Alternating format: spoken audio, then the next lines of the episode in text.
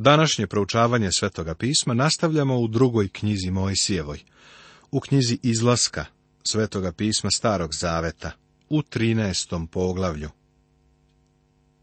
Poglavlje 13. Tema Izraelski prvenci su posvećeni Bogu. Održan je spomen na pashu. Odvojeni su prevenci između životinja. Izraelci napuštaju Egipat i stižu u Etam. Bog vodi izraelske potomke stubom od oblaka danju i stubom od ognja noću. Izraelski prvenci su posvećeni Bogu. Izraelovi potomci napuštaju Egipat i kreću se ka Crvenom moru. I reče gospod Mojsiju govoreći, posveti mi svakoga prvenca, što god otvara matericu u sinova Izraeljevih, i od ljudi, i od stoke, jer je moje. I Mojsije reče narodu, pamtite ovaj dan u koji izađosti iz misira iz doma ropskoga, jer vas rukom krepkom izvede gospod Dande. Neka se dakle ne jede ništa sa kvascem. Egipatski prvenci su pomrli. Egipatski bogovi su uvek polagali pravo na prvorođene kao na nešto svoje. I sada Bog polaže pravo na izraelske prevence kao na svoje vlasništvo. On i danas također želi sve prvo od vernika. Mnogi vernici ne daju Bogu prvo mesto. Bog ima pravo na naše najbolje, najbolje što imamo. Bog treba da je prvi u svemu. Iako želi da zauzima prvo mesto u našem životu, mnogi vernici ga stavljaju na posljednje mesto i to stvara problem. Ako imamo vremena, radimo za gospoda, ali većinu svoga vremena provodimo u ličnim interesima i razonodi. Obično gospodu damo ono što nam preostane. Sećam se jedne priče koju sam prije dosta godina čuo od evanđeliste Bilija Sandeja. Putovao je širom zemlje sa Viljamom Riglijem, gospodinom koji proizvodi žvakaće gume. Gospodin Rigli je bio hrišćanin. I dok su putovali vozom, on je gospodinu Sandeju rekao da je on u svom životu uspostavio praksu da gospodu da deseti deo svega što zaradi, pa je dodao da nije gospodu davao posljednji desetak. Gospodin Rigli je gospodu davao prvi desetak svoje zarade. Veoma je zanimljivo kako ga je gospod blagoslovio i dao mu napredak. Međutim, gospod nikome ne garantuje materijalni napredak, ali je zanimljivo kako on blagosilja ljude i žene koji ga stave na prvo mesto. Izraelci su upravo izašli iz Egipta, gde su godinama služili kao robovi, a onda Bog odmah od njih zahteva njihove prevence. Mnogi od njih su verovatno rekli, vidi gospode, upravo si nas izbavio iz ropstva, a sada polažeš pravo na naše prvence. Gospod Isus Hristos čini to isto za tebe i mene. On nas spasava iz sveza robstva, izbavlja nas i oslobađa. Ako vas dakle sin oslobodi, bit ćete stvarno slobodni, zapisano je u Evanđelju po Jovanu u osmom poglavlju 36. stihu Svetoga pisma Novog Zaveta. Gospod isto tako govori da želi da sebe same podarimo njemu. Ti kažeš, slobodan sam. Jesi li stvarno slobodan? Otkupljen si cenom, dragocenom krvlju Isusa Hrista. Kada se njemu predaš dragovoljno i staviš ga na prvo mesto, nastupa blagoslov. Pa kad te gospod uvede u zemlju Hananejsku i Hetejsku i Amorejsku i Jevejsku i Jevusejsku, za koju se zakleo ocima tvojim da će ti je dati, zemlju u kojoj teče mleko i med, tada da služiš službu ovu ovoga meseca. Drugim rečima, Izraelci su imali da drže pashu i praznik beskvasnih hlebova. Sedam dana jedi hlebove presne a sedmi dan neka je praznik gospodnji.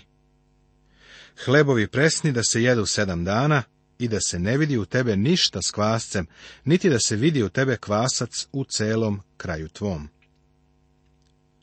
Kada su Izraelci napustili Egipat, na put su poneli korita za mešanje i u njima je bilo testo. Ovo je bilo testo sa kvascem, a Bog kaže, hoću da se toga oslobodite. Sedam dana ćete jesti beskvasni hleb, a hleb sa kvascem ne smeni da se vidi ni kod tebe, ni u tvojoj kući. I kazat ćeš sinu svojemu taj dan govoreći, ovo je za ono što mi je učinio gospod, kada sam izlazio iz misira. Ovaj običaj je trebalo da se prenosi sa generacije na generaciju, da bi se ljudi uvek sećali kako ih je Bog oslobodio iz Egipta. I neka ti bude kao znak na ruci tvojoj i kao spomen pred očima tvojim, da ti zakon gospodnji bude u ustima, jer te rukom krepkom izveo gospod iz misira. Zato izvršuj zakon ovaj na vreme, od godine do godine. I kad te uvede gospod u zemlju Hananejsku, kao što se zakleo tebi i tvojim ocima, i da ti je, odvajaćeš gospodu što god otvori matericu, i od stoke tvoje što god otvara matericu, što je muško, da bude gospodu. Prevencije od celokupne stoke koje su imali Izraelci pripadali su Bogu. A svako magare prvenče otkupi jagnjetom ili jaretom. Ako li ga ne bi otkupio, slomi mu vrat. Ali svakoga prevenca čovečijega između sinova svojih otkupi. Svako prvenče od magareta trebalo je da bude otkupljeno jagnjetom. Bog nije želeo da ove dugouhe životinje budu prinošene na žrtvu na žrtvu je trebalo prineti jagnje. Prevence od ljudi među njegovim narodom trebalo je otkupiti srebrom, kao što ćemo vidjeti kasnije. Srebro je bilo otkupni novac. A kad te zapita sin tvoju napredak, govoreći šta je to, reci mu, rukom krepkom izvede nas gospod iz Misira, iz doma ropskoga. Jer kad otvrdnu faraon, te nas nehte pustiti, Pobi gospod sve prvence u zemlji Misirskoj, od prvenca čovečijega do prvenca od stoke. Zato prinosim gospodu sve muško što otvara matericu i svakoga prvenca sinova svojih otkupljujem. Praznovanje ovog običaja trebalo je da podsjeće Izraelce da ih je Bog izbavio iz Egipta. Njihovi prvenci, prvenci i sinovima, treba da budu izbavljeni srebrom, u prvoj poslanici Petrovoj, u prvom poglavlju 18. i 19. stihu piše da znajući da od svog sujetnog načina života koji vam je od vaših otaca predan, niste iskupljeni propadljivim stvarima, srebrom ili zlatom, nego dragocenom krvlju Hrista kao nevinog i čistog jagnjeta. A kad faraon pusti narod, ne odvede ih Bog putem k zemlji filistejskoj, ako i beše kraći, jer Bog reče, da se ne pokaje narod kad vidi rat i ne vrati se u misir. Izraelci su upravo izašli iz ropstva i nisu bili spremni za borbu. Najkraći put za zemlju koju im je Bog dao bio je uz obalu mora. U toku 1967. godine, za vreme šestodnevnog rata u Palestini, Izraelci su se kretali dole iz obalu mora i potisnuli Egipćane. Naravno, Izraelci su imali tenkovi i avione, bili su spremni. Ali ovi Izraelci, koji izlaze iz ropstva u Egiptu, nisu imali nikakvo oružje za borbu. Zato ih je Bog tako velikodušno i milostivo poveo kroz pustinju. Bio je to duži put ka obećanoj zemlji, ali su barem bili pošteđeni rata neće morati da se suočavaju sa neprijateljem sve do ulaska u zemlju. Bilo im je potrebno 40 godina da prođe kroz pustinju i uđu u obećanu zemlju. Do tada će imati vojsku i bit će opremljeni, kao što ćemo tek vidjeti. Neko će možda reći, ali Bog je mogao nekim čudom da ih izbavi. Tačno, ali od ovakvog stava mi je muk. Neki hrišćani misle da Bog radi njih treba svakog minuta da učini poneko čudo misle da imaju pravo da od Boga zahtevaju da radi njih interveniše ako su bolesni, ako su u nevolji, ako im nešto treba. Ovo nije bilo pitanje njihovih ili njegovih mogućnosti. On sve to može. Umesto toga ovo je pitanje načina na koji Bog to želi da učini. On sledi plan. I kada je neophodno, Bog će učiniti čudo, ali samo da ispuni svoju volju i svoj put u našem životu. Bog je mogao čudom da izvede Izraelce kroz filistejsku zemlju. Da su bili napadnuti, Bog bi ih izbavio. Kada je potrebno, Bog je spreman da učini čuda, ali samo da bi ispunio svoju volju. Nego Bog zavede narod putem preko pustinje na Crvenom moru, a vojničkim redom izađoše sinovi Izraeljevi iz zemlje Misirske. Vojničkim redom je zanimljiv izraz. To znači da su iz Egipta Izraelci izašli u stanju sređenom na izvestan način. Oni iz zemlje nisu izašli kao rulja, nego organizovano. Nisu imali vojsku, ali su se svrstavali po petoru u red. Da se ih video kako idu kroz pustinju, imao bi pred sobom prizor najsređenije grupe ljudi. I Mojsije uze kosti Josifove sa sobom jer beše zakleo sinove Izraeljeve rekavši, zaista će vas pohoditi Bog. A tada iznesite kosti moje odavde sa sobom. Kada su Izraelci napustili Egipat, Mojsije je poneo Josifove kosti. U prvoj Mojsijevoj u 50. poglavlju u 24. stihu Svetoga pisma Starog Zaveta postoji zanimljiv odelja koji kaže i reče Josif braći svojoj, ja ću skoro umreti, ali će vas zacelo Bog pohoditi i izvešće vas iz ove zemlje u zemlju za koju se zakleo Avramu, Isaku i Jakovu. Ovde prva Mojsijeva nastavlja i u 50. pogledu 25. stihu kaže I zakle Josif sinove Izraeljevi reče Zaista će vas pohoditi Bog, a vi onda odnesite kosti moje odavde. Proteklo je bar dve stotine godina od kako je Josif izgovorio ove reči, ali je sada došlo vreme. Kada je umro, bio je nacionalni heroj, pa je sahranjen u Egiptu. Ali konačno se pojavio faraon koji nije znao za Josifa. Josif nije više bio nacionalni heroj, pa su njegove kosti bez protesta mogle da se iznesu iz Egipta. Josif je želeo da bude sahranjen u obećenoj zemlji ali zašto da se njegovo telo premešta i sahranjuje u toj zemlji? Da je Josif znao da će biti podignut iz mrtvih jednog dana, uzet na nebo, kakve bi veze imalo da li će biti lansiran iz Egipta ili iz Izraela? Pa stvari u tome da Josif ne očekuje da ide u nebo. On očekuje da bude podignut pri vaskrsenju njegovog naroda u toj zemlji, radi hiljadogodišnjeg carstva, a onda za večnost. Ovo će za njih biti nebo. Ovo je bila Josifova nada, kao i Mojsijeva. Verom Mojsije uzima Josifove kosti i odnosi ih u obećanu zemlju. Put u Etam, božanskim voćstvom. Tako otišavši iz Sohota, stadoše u oko u Etamu, na kraj pustinje. A gospod iđaše pred njima danju u stubu od oblaka vodećih putem, a noću u stubu od ognja svetlećim, da bi putovali danju i noću. I ne uklanjaše ispred naroda stup od oblaka danju, ni stup od ognja noću. Izraelci su se kretali ka vreloj, gorućoj pustinji, koju je čak i mojsi nazvao velikom i strašnom pustinjom. Prošli su kroz nju i nisu čak ni izgorili na suncu, jer su iznad sebe imali stub od oblaka danju. Ovaj narod je imao nešto što ni jedan drugi narod nikada nije imao.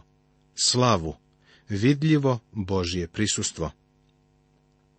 Kada je apostol Pavle definisao srodnike, rekao je koji su Izraelci kojima pripada usinovljenje i slava.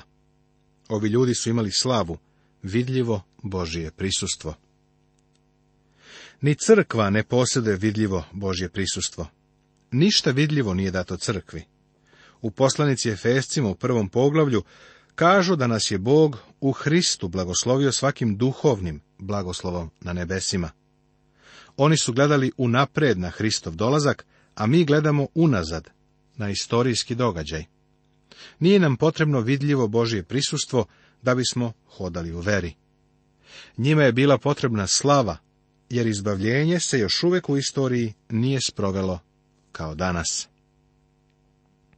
Bog je sproveo sve pripreme za sve eventualne mogućnosti da bi svoj narod bezbedno proveo kroz pustinju. Poglavlje 14. Tema Bog daje uputstva Izraelcima. Faraon kreće sa vojskom u poteru za njima. Izraelci su nezadovoljni i gunđaju. Mojsije teši svoj narod. Bog Mojsiju daje uputstva. Stub od oblaka se uklanja i Izraelci prolaze kroz Crveno more. Egipćani kreću za Izraelcima i prate ih putem u Crveno more, a tu su se podavili. Faraon sa vojskom u poteri za Izraelom. I reče gospod Mojsiju govoreći, Kaži sinovima Izraeljevim, neka saviju i stanu u oko pred Pi Ajrotom između Migdola i mora prema Velsefonu. Prema njemu neka stanu u oko pokraj mora. Nemoguće je danas pouzdano locirati ova mesta, ali bili su negde između reke Nil i Crvenog mora. Jer će Faraon reći za sinove Izraeljeve, zašli su u zemlju, zatvorila ih je pustinja. Faraon je imao špijune koji su pratili Izraelce kretanje i po miliona ljudi bi u svakom slučaju bilo teško sakriti. Faraon je očekivao da Izraelci krenu uz obalu, pa kroz filistejsku zemlju. Kada su krenuli ka pustinji, on je pomislio da su se izgubili, pa da ne znaju ništa rade. Bog kaže da kada je Faraon pomislio da su zalutali, da je onda krenuo u poteru za njima. Očigledno je Faraon preko volje pustio Izraelce da odu. I učinit ću da otvrdne srce faraonu, te će poći u poteru za vama. I ja ću se proslaviti na njemu i na svoj vojsci njegovoj, i misirci će poznati da sam ja gospod, i učiniše tako. Pomislio bi da su Egipćani imali dovoljno nevolja i pošasti, ali nešto još teže i neverovatnije će ih snaći da bi ih ubedilo. A kad bi javljeno caru Misirskom da je pobegao narod, promeni se srce Faraonovo i sluga njegovih prema narodu, te rekoše, šta smo, te pusti smo Izraela da nam ne služi.